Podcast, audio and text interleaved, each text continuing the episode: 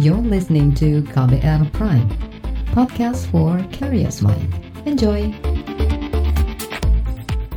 Selamat pagi saudara, kembali kami menjumpai Anda melalui program Buletin Pagi KBR edisi Selasa 5 Mei 2020 bersama saya Don Brady. Informasi terkini untuk pagi ini di antaranya Presiden minta PSBB dievaluasi. Bantuan sosial salah sasaran, Kementerian Sosial minta verifikasi data. Rumah sakit rujukan COVID-19 di Jawa Timur kelebihan kapasitas. Inilah Buletin Pagi selengkapnya. Terbaru di Buletin Pagi. Saudara Presiden Joko Widodo memerintahkan Satuan Gugus Tugas Percepatan Penanganan COVID-19 dan kepala daerah mengevaluasi penerapan pembatasan sosial berskala besar atau PSBB. Jokowi mengatakan evaluasi diperlukan untuk mengetahui efektivitas dan implementasi di lapangan, juga perbaikan yang perlu dilakukan di tingkat provinsi hingga kabupaten kota. Saya ingin memastikan bahwa ini betul-betul diterapkan secara ketat dan efektif dan saya melihat beberapa kabupaten dan kota telah melewati tahap pertama dan akan masuk ke tahap kedua. Ini perlu evaluasi. Mana yang penerapannya terlalu over, terlalu kebablasan, dan mana yang masih kendor. Evaluasi ini penting sehingga kita bisa melakukan perbaikan-perbaikan di kota, kabupaten maupun provinsi yang melakukan PSBB. Presiden Jokowi menambahkan evaluasi PSBB secara menyeluruh juga harus segera dilakukan untuk mengetahui kekurangan dan kelebihan. Saat ini PSBB diterapkan di empat provinsi dan 22 kabupaten kota. Gugus Tugas Percepatan Penanganan COVID-19 berjanji akan menindaklanjuti perintah Presiden Jokowi untuk mengevaluasi penerapan pembatasan sosial berskala besar atau PSBB. Ketua Gugus Tugas Percepatan Penanganan COVID-19 Doni Monardo mengatakan Presiden mengeluhkan adanya pembubaran paksa suatu tempat usaha yang dinilai berlebihan.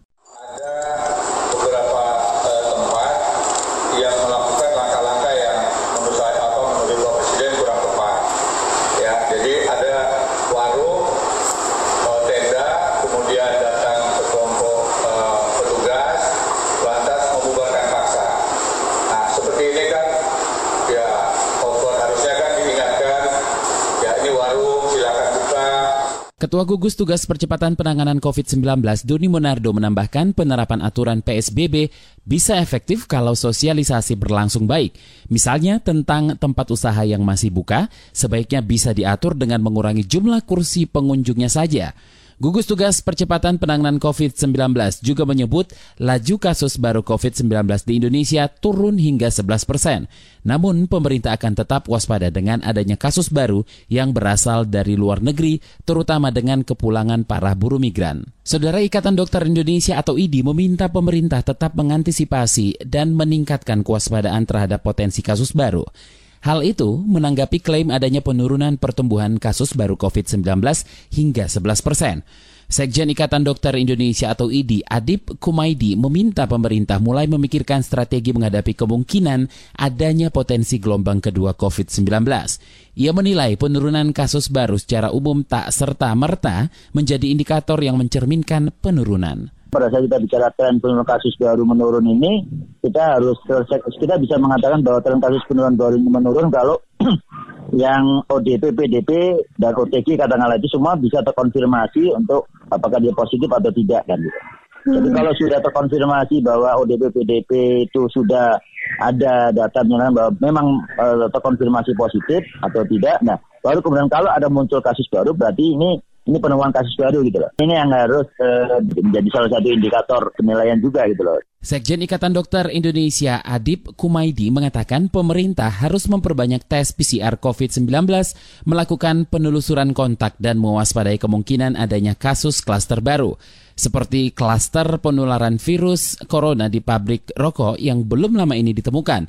Ia juga meminta pemerintah memperketat pengawasan terhadap puluhan ribu anak buah kapal dan buruh migran yang akan kembali ke Indonesia. Masih terkait penularan COVID-19, jumlah kasus positif COVID-19 di hingga hari ini mencapai lebih dari 11.500 orang. Sedangkan jumlah pasien sembuh hingga kini mencapai 1.950 orang dan juru bicara pemerintah untuk penanganan COVID-19 Ahmad Yuryanto mengatakan jumlah kasus sembuh dari virus corona di DKI Jakarta masih tertinggi. Kriteria pasien sembuh adalah dua kali dinyatakan negatif berdasarkan hasil uji laboratorium dan pasien tidak ada lagi memiliki keluhan klinis. Kalau kita lihat sebaran pasien sembuh yang paling banyak adalah di DKI Jakarta 632, kemudian Sulawesi Selatan 199, Jawa Timur 178, Jawa Barat 159 dan Bali 159. Dari total keseluruhannya adalah 1954 orang. Juru bicara pemerintah untuk penanganan COVID-19 Ahmad Yuryanto menambahkan jumlah kasus meninggal yang disebabkan COVID-19 bertambah menjadi 860-an orang. Sebanyak 18 provinsi hingga kini tidak melaporkan adanya penambahan kasus positif baru. Kita ke mancanegara, saudara, tingkat kegelisahan warga Inggris meningkat lebih dari dua kali lipat sejak penerapan karantina wilayah akibat COVID-19. Mengutip Reuters, kegelisahan dan kekhawatiran warga Inggris itu meningkat dibandingkan pada akhir tahun lalu. Data itu bersumber dari survei Badan Pusat Statistik BPS Inggris yang dilakukan pertengahan Maret lalu. Menurut data itu, sekitar 50% warga Inggris menyebut tingkat kegelisahan mereka di level tinggi. Apalagi pemerintah memerintahkan penutupan tempat-tempat minum dan restoran yang biasa digunakan untuk hiburan warga. Statistik menyebut kekhawatiran warga Inggris itu karena merasa kesepian, stres, dan kekurangan uang. Bantuan sosial salah sasaran, Kementerian Sosial minta verifikasi data. Informasinya usai jeda, tetaplah di Buletin Pagi KBR. You're listening to KBR Pride, podcast for curious mind. Enjoy!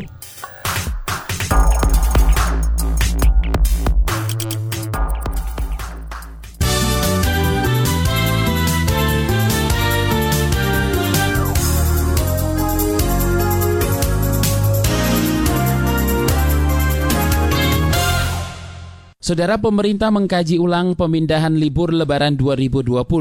Kepala Tim Satuan Tugas Percepatan Penanganan COVID-19 Doni Monardo mengatakan sebelumnya pemerintah memindahkan libur lebaran ke akhir tahun. Namun dalam rapat terbatas hari ini muncul opsi pemindahan libur lebaran ke waktu lain selain akhir tahun. Untuk penggantian cuti lebaran tadi eh, disampaikan Pak Presiden eh, masih ada tambahan opsi. Jadi yang semula akhir tahun eh, satu opsi, nah, kemudian tadi Bapak KSP memberikan masukan Bapak Presiden, Bapak Presiden meminta untuk dipertimbangkan mana kira-kira yang lebih baik. Apakah pada waktu Idul Adha, akhir Juli, atau nanti tetap akhir tahun. Itu tadi Kepala Tim Satuan Tugas Percepatan Penanganan COVID-19 Doni Monardo. Sebelumnya opsi pemindahan libur lebaran ke akhir tahun sempat disampaikan Presiden Joko Widodo awal bulan lalu. Jokowi beralasan pemindahan libur lebaran itu agar masyarakat bisa menghabiskan liburannya setelah wabah COVID-19 selesai. Jokowi meyakini bahwa di awal tahun 2021 keadaan ekonomi dan sosial sudah kembali normal. Kementerian Sosial mendesak pemerintah daerah segera memverifikasi data penerimaan bantuan sosial warga terdampak COVID-19 supaya tepat sasaran. Sebelumnya laporan bansos tidak tepat sasaran muncul di DKI Jakarta. Dirjen Perlindungan dan Jaminan Sosial Kemensos Pepen Nazarudin meminta dinas sosial masing-masing daerah terus berkoordinasi dengan perangkat RT RW untuk penyesuaian data. Ya sekali lagi nanti kan itu update-nya oleh Pemda ya. Kalau misalnya tidak tepat sasaran nanti kan segera diupdate seperti itu. Verifikasi sehingga ada perubahan-perubahan data seperti itu. Kita dari Kementerian Sosial kan hanya menyalurkan saja seperti itu. Dirjen Perlindungan dan Jaminan Sosial Kemensos Pepen Nazarudin juga berharap daftar penerima bansos dari Istana Presiden dibedakan dengan penerima bantuan dari pemerintah daerah. Sebelumnya, Gubernur DKI Anies Baswedan mengatakan 1,6 persen bansos bermasalah. Mulai dari salah alamat, penerima ternyata orang mampu, bahkan ada yang sudah lama meninggal. Layanan pendidikan di Indonesia dinilai masih gagap menghadapi bencana, termasuk bencana wabah COVID-19. Koordinator Nasional Jaringan Pemantau Pendidikan Indonesia JPPI Ubaid Matraji mengatakan pemenuhan hak pendidikan bagi warga negara belum menjadi sektor utama dalam situasi darurat. Salah satu dampak pandemi virus COVID-19 pada sektor pendidikan adalah tutupnya sekolah dan kampus swasta. Sekolah-sekolah swasta misalnya itu sudah e, menyatakan dirinya mereka sudah tidak bisa mampu menanggung biaya operasional sekolah. Begitu pula juga dengan kampus-kampus e, swasta yang pendanaannya e, tidak sepenuhnya disokong oleh negara. Anak-anak yang sekolah banyak yang tidak mampu membayar SPB karena ekonomi orang tuanya sedang terganggu. Koordinator Nasional Jaringan Pemantau Pendidikan Indonesia JPPI Ubaid menambahkan tercatat 56 persen sekolah swasta di Indonesia kesulitan biaya operasional. Data itu berdasarkan jejak pendapat Kemendikbud tahun 2020. Kondisi itu diperparah dengan alokasi dana darurat sekitar 405 triliun untuk penanggulangan wabah COVID-19 yang tidak menyentuh penyelamatan sektor pendidikan. Menurutnya, jika hal ini dibiarkan, akan ada banyak guru, tenaga kependidikan, dan peserta didik yang terlantar. Beralih ke informasi lain, Saudara, Presiden Joko Widodo didesak segera mengeluarkan peraturan pemerintah pengganti undang-undang atau perpu penundaan pilkada serentak tahun ini. Direktur Eksekutif LSM Perludem Titi Anggreni mengatakan saat ini penundaan pilkada masih belum punya landasan hukum.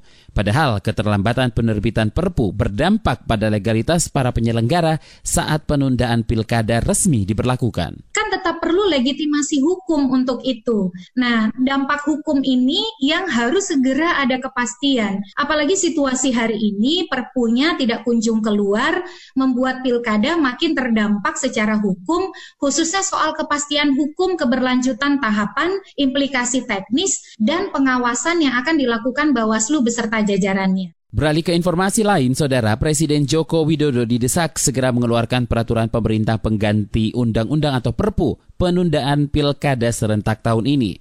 Direktur Eksekutif LSM Perludem Titi Anggreni mengatakan saat ini penundaan pilkada masih belum punya landasan hukum.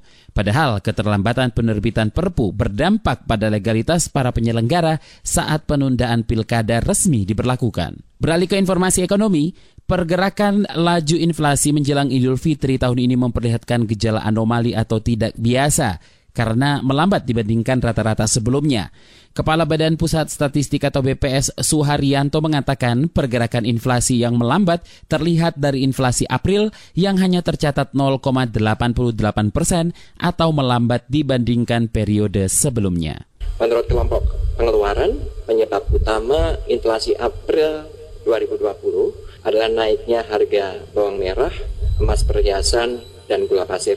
Sementara yang menghambat inflasi bulan April adalah turunnya harga cabai, eh, tarif angkutan udara, daging ayam ras, dan bawang putih. Kepala BPS Suharyanto mengatakan salah satu penyebab anomali inflasi April adalah situasi pandemi COVID-19.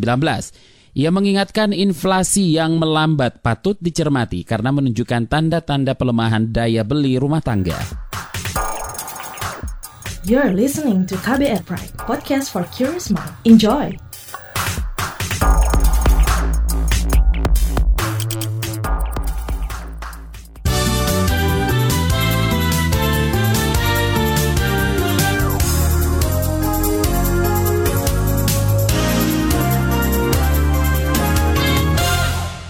Anda masih mendengarkan buletin pagi, saatnya kita simak laporan khas KBR. Ara Wiraswara nekat berpuasa meski masih berstatus sebagai pasien positif COVID-19. Ia menjalankannya sembari isolasi mandiri di rumah dengan menerapkan protokol kesehatan yang ketat. Jurnalis KBR Astri Yuwanasari berbincang dengan Ara tentang rutinitasnya selama puasa. Simak kisahnya berikut ini puasa insya Allah. Karena saya ngerasa oh, secara fisik sudah nyaman banget gitu. Kalau nggak puasa menurut saya ngerasa dosa gitu ya. Ara Wiraswara belum sekalipun mangkir berpuasa sejak hari pertama. Berstatus sebagai pasien positif COVID-19 tak memupus semangatnya untuk tetap beribadah di bulan Ramadan. Ia juga tak khawatir puasa bakal berdampak buruk pada proses penyembuhannya saya belum bertanya sih dokter boleh berpuasa atau enggak, tapi Bismillah saja diniatkan karena kemarin pada saat hari ke-28 itu saya juga berkonsultasi ke dokter, dok boleh bantu-bantu pekerjaan ringan rumah, ini kata dokter dipersilahkan, tapi tetap harus tetap pakai masker gitu kan. Keluar juga kalau bapak ini uh, diperkenalkan tapi harus tetap pakai masker gitu. Ara merupakan staf bagian kerjasama di pemerintah Kota Bogor, Jawa Barat. Ia ditengarai terpapar virus saat mendampingi Wali Kota Bima Arya Sugiarto melakukan kunjungan kerja ke luar negeri sekitar pertengahan Maret silam. Usai tiga pekan dirawat, Ara keluar dari rumah sakit dan menjalani isolasi mandiri sejak 10 April lalu. Meski berada di rumah, Ara belum bisa bercengkrama dengan istri dan dua anaknya. Mereka harus menjalankan protokol kesehatan saat berinteraksi, misalnya dengan memakai masker dan menerapkan pembatasan jarak. Begitupun saat melaksanakan sholat berjamaah. Setelah sahur, biasanya uh, subuh berjamaah sama keluarga. Subuhnya jauh-jauhan sih berjamaahnya. Saya di kamar ini, istri sama anak di kamar sebelah gitu. Terus pagi-pagi olahraga ringan, terus bantu istri semprot-semprot kamar saya untuk memastikan tidak ada yang berterbangan virus gitu sama apa disinfektan. Ara lebih banyak menghabiskan waktu di dalam kamar guna mengurangi kontak dengan keluarga. Namun ia berusaha terus berkomunikasi dengan anak-anaknya sebagai pelepas rindu. Ara tak memungkiri ingin segera bisa memeluk mereka. Kalau anak-anak mau mendongeng pun bapaknya cukup mendongengkan di dari kamar gitu. Anak-anak mendengarkan di ruang tamu. Jadi sesering mungkin juga saya cuci tangan gitu ya. Dan terus kalau memaksakan diri juga misal mau ke dapur mau nyimpan makanan saya memastikan bahwa di area mau jalan ke arah dapur itu tidak ada istri ataupun anak-anak saya gitu. Hmm. Makan pasti terpisah gitu. Jadi kalaupun anak-anak suka merajuk kapan uh, bisa meluk bapaknya gitu kan sambil ini kita uh, saya bilang peluknya jarak jauh saja gitu. Ara juga tetap bekerja dari rumah di sela masa penyembuhan. Pekerjaan kantor sih lumayan uh, tidak terlalu banyak. Jadi kalau ada pekerjaan kantor misalnya pagi-pagi saya coba buka konsultasi sama staf beberapa yang bisa saya lakukan gitu. Selebihnya coba memperbaiki ibadah saja sih untuk ininya. Jadi duha gitu ya. Jadi setiap sholat juga uh, memaksakan diri untuk baca Al-Qur'an gitu untuk ini. Jadi lebih mengisi ke arah sana sih untuk ininya. Sama sesekali uh, membuka pekerjaan kantor. Ara mengaku sehat meski masih positif corona dan menjalankan ibadah puasa. Ia rutin meminum suplemen saat sahur dan buka untuk menjaga imunitas tubuh. Saya sih enggak sih kalau semakin kuat niat kita gitu kan menjalani kewajiban agama terus ingat hadis Rasul eh hadis atau ayat Quran ya yang menyatakan kalau berpuasa itu akan menjadi sehat di, diniatkan seperti itu. Tidak hanya niat dan juga meyakini bahwa dengan berpuasa sehat tapi juga saya menjaga setelah berbuka puasa gitu kan. Uh, saya minum vitamin C sama zinc terus sesuai anjuran dokter. Sebelum tidur saya minum madu sama jamu. Setelah uh, setelah apa setelah sahur saya minum sari kurma gitu. Jadi uh, hanya memindahkan pola meminum obat saja ke menjadi malam tiga kali sehari tetap terjaga insya Allah. Saat ini Ara tengah menunggu tes usap kelimanya. Tes terakhir masih menunjukkan bahwa ia belum terbebas dari virus. Ia berharap sudah terbebas dari corona sebelum lebaran tiba. Ketika tanggal 16 tes dilakukan tes swabnya lama nunggunya gitu kan. Hmm. ternyata uh, badan sudah ngerasa insya Allah saya tidak merasa gejala apa pun gitu ya. Uh, makan juga sering nambah hmm. tapi begitu dapat hasil tes aduh masih masih positif ya. Uh, kecewa sih pada saat itu saja sih. Tapi selebihnya kan ini bagian yang mungkin uh, yang harus saya jalani gitu ya. Jadi coba menetralisir pikiran itu aja. Sementara itu Direktur Lembaga Biologi Molekular Eijkman Amin Subandrio menyebut pasien COVID-19 diperbolehkan berpuasa namun pasien harus tetap disiplin menjaga kondisi tubuh. Ya, tentu tergantung dari ke kondisi umum pasiennya ya. Artinya kalau kalau misalnya dia e, ketika terinfeksi virus corona terus e, keadaannya lemah gitu, tentu tidak disarankan untuk puasa. Tapi kita ingat bahwa ada beberapa orang yang positif coronavirusnya tapi e, dia relatif sehat-sehat saja. Nah, kalau itu sih tidak ada masalah sih selama dia juga uh, tetap menjaga uh, asupan gizinya, ya, vitamin dan sebagainya. Demikian laporan yang disusun tim KBR, saya Astri Yuwanasari. Informasi dari daerah akan kami sajikan usai jeda, tetaplah di Buletin Pagi KBR. You're listening to KBR Pride, podcast for curious mind. Enjoy!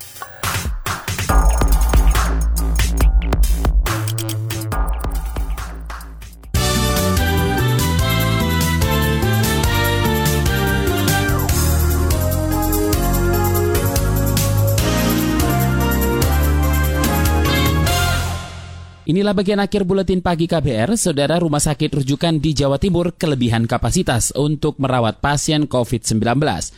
Kapasitas rumah sakit rujukan di Jawa Timur hanya 400-an tempat tidur, sedangkan pasien yang dirawat hampir 800 orang.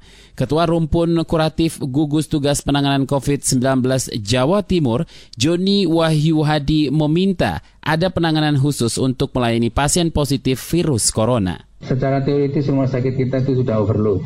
Jadi pemerintah provinsi bersama eh, Kementerian Pendidikan bersama para donatur berupaya untuk membuka rumah sakit di UNER. Ya, insya Allah satu dua hari ini akan selesai. Rumah sakit itu bisa ditempati kira-kira sampai 200 lebih. Itu pun masih kurang kalau semuanya harus masuk rumah sakit. Oleh karena itu memang Kementerian Kesehatan menetapkan tidak semuanya Ketua Rumpun Kuratif Gugus Tugas Penanganan COVID-19 Jawa Timur, Joni Wahyu Hadi menambahkan, akibat rumah sakit rujukan sudah penuh, maka sesuai arahan Kementerian Kesehatan untuk pasien dalam pengawasan atau PDP bisa dilakukan solasi mandiri. Jalur perbatasan yang menghubungkan Aceh dengan Sumatera Utara ditutup sejak kemarin. Penutupan sempat menyebabkan jalur kendaraan di Banda Aceh, Medan lumpuh total. Kepala Bagian Operasi Polres Loksemawe, Adi Sofian mengatakan satu-satunya gerbang utama yang menghubungkan Aceh dengan Sumatera Utara itu diisolasi menyeluruh untuk mencegah penyebaran virus corona. Udara kan udah tutup, udah itu untuk perairan di laut juga kita udah koordinasi sama Kasapol Air. Nah di operasi ketupat ini Kasapol Air sangat dilibatkan untuk memonitor situasi jadi perairan. Siapa tahu mereka ada menyeberang dan sebagainya. Keputusan terakhir kita arahkan kepada masyarakat untuk mematuhi segala aturan yang telah ditetapkan oleh pemerintah. Hmm. Yang pertama mungkin eh, jangan melaksanakan mudik ya tolong dipatuhi. Kepala Bagian Operasi Polres Loksemawe Adi Sofian mengimbau masyarakat tidak melakukan perjalanan lintas daerah maupun mudik lebaran, terutama dari wilayah zona virus corona seperti Sumatera Utara, dan saat ini Sumatera Utara terdapat 120-an orang positif COVID-19. Kita ke Jawa Barat, sejak pemberlakuan larangan mudik, kepolisian Jawa Barat sudah memaksa lebih dari 33 ribu orang calon pemudik untuk putar balik ke tempat semula.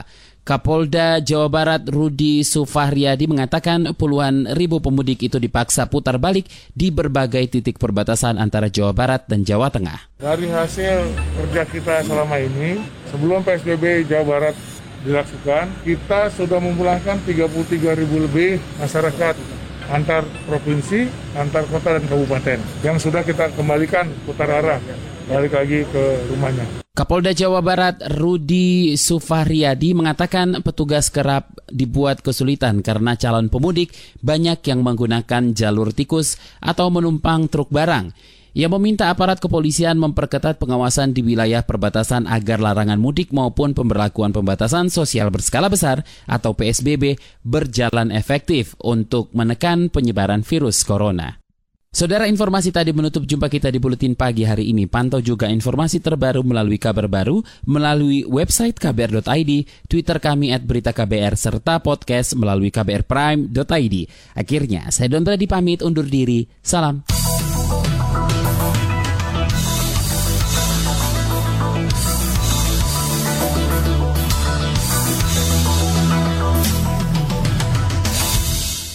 KBR Prime, cara asik mendengar berita. KBR Prime, podcast for curious mind.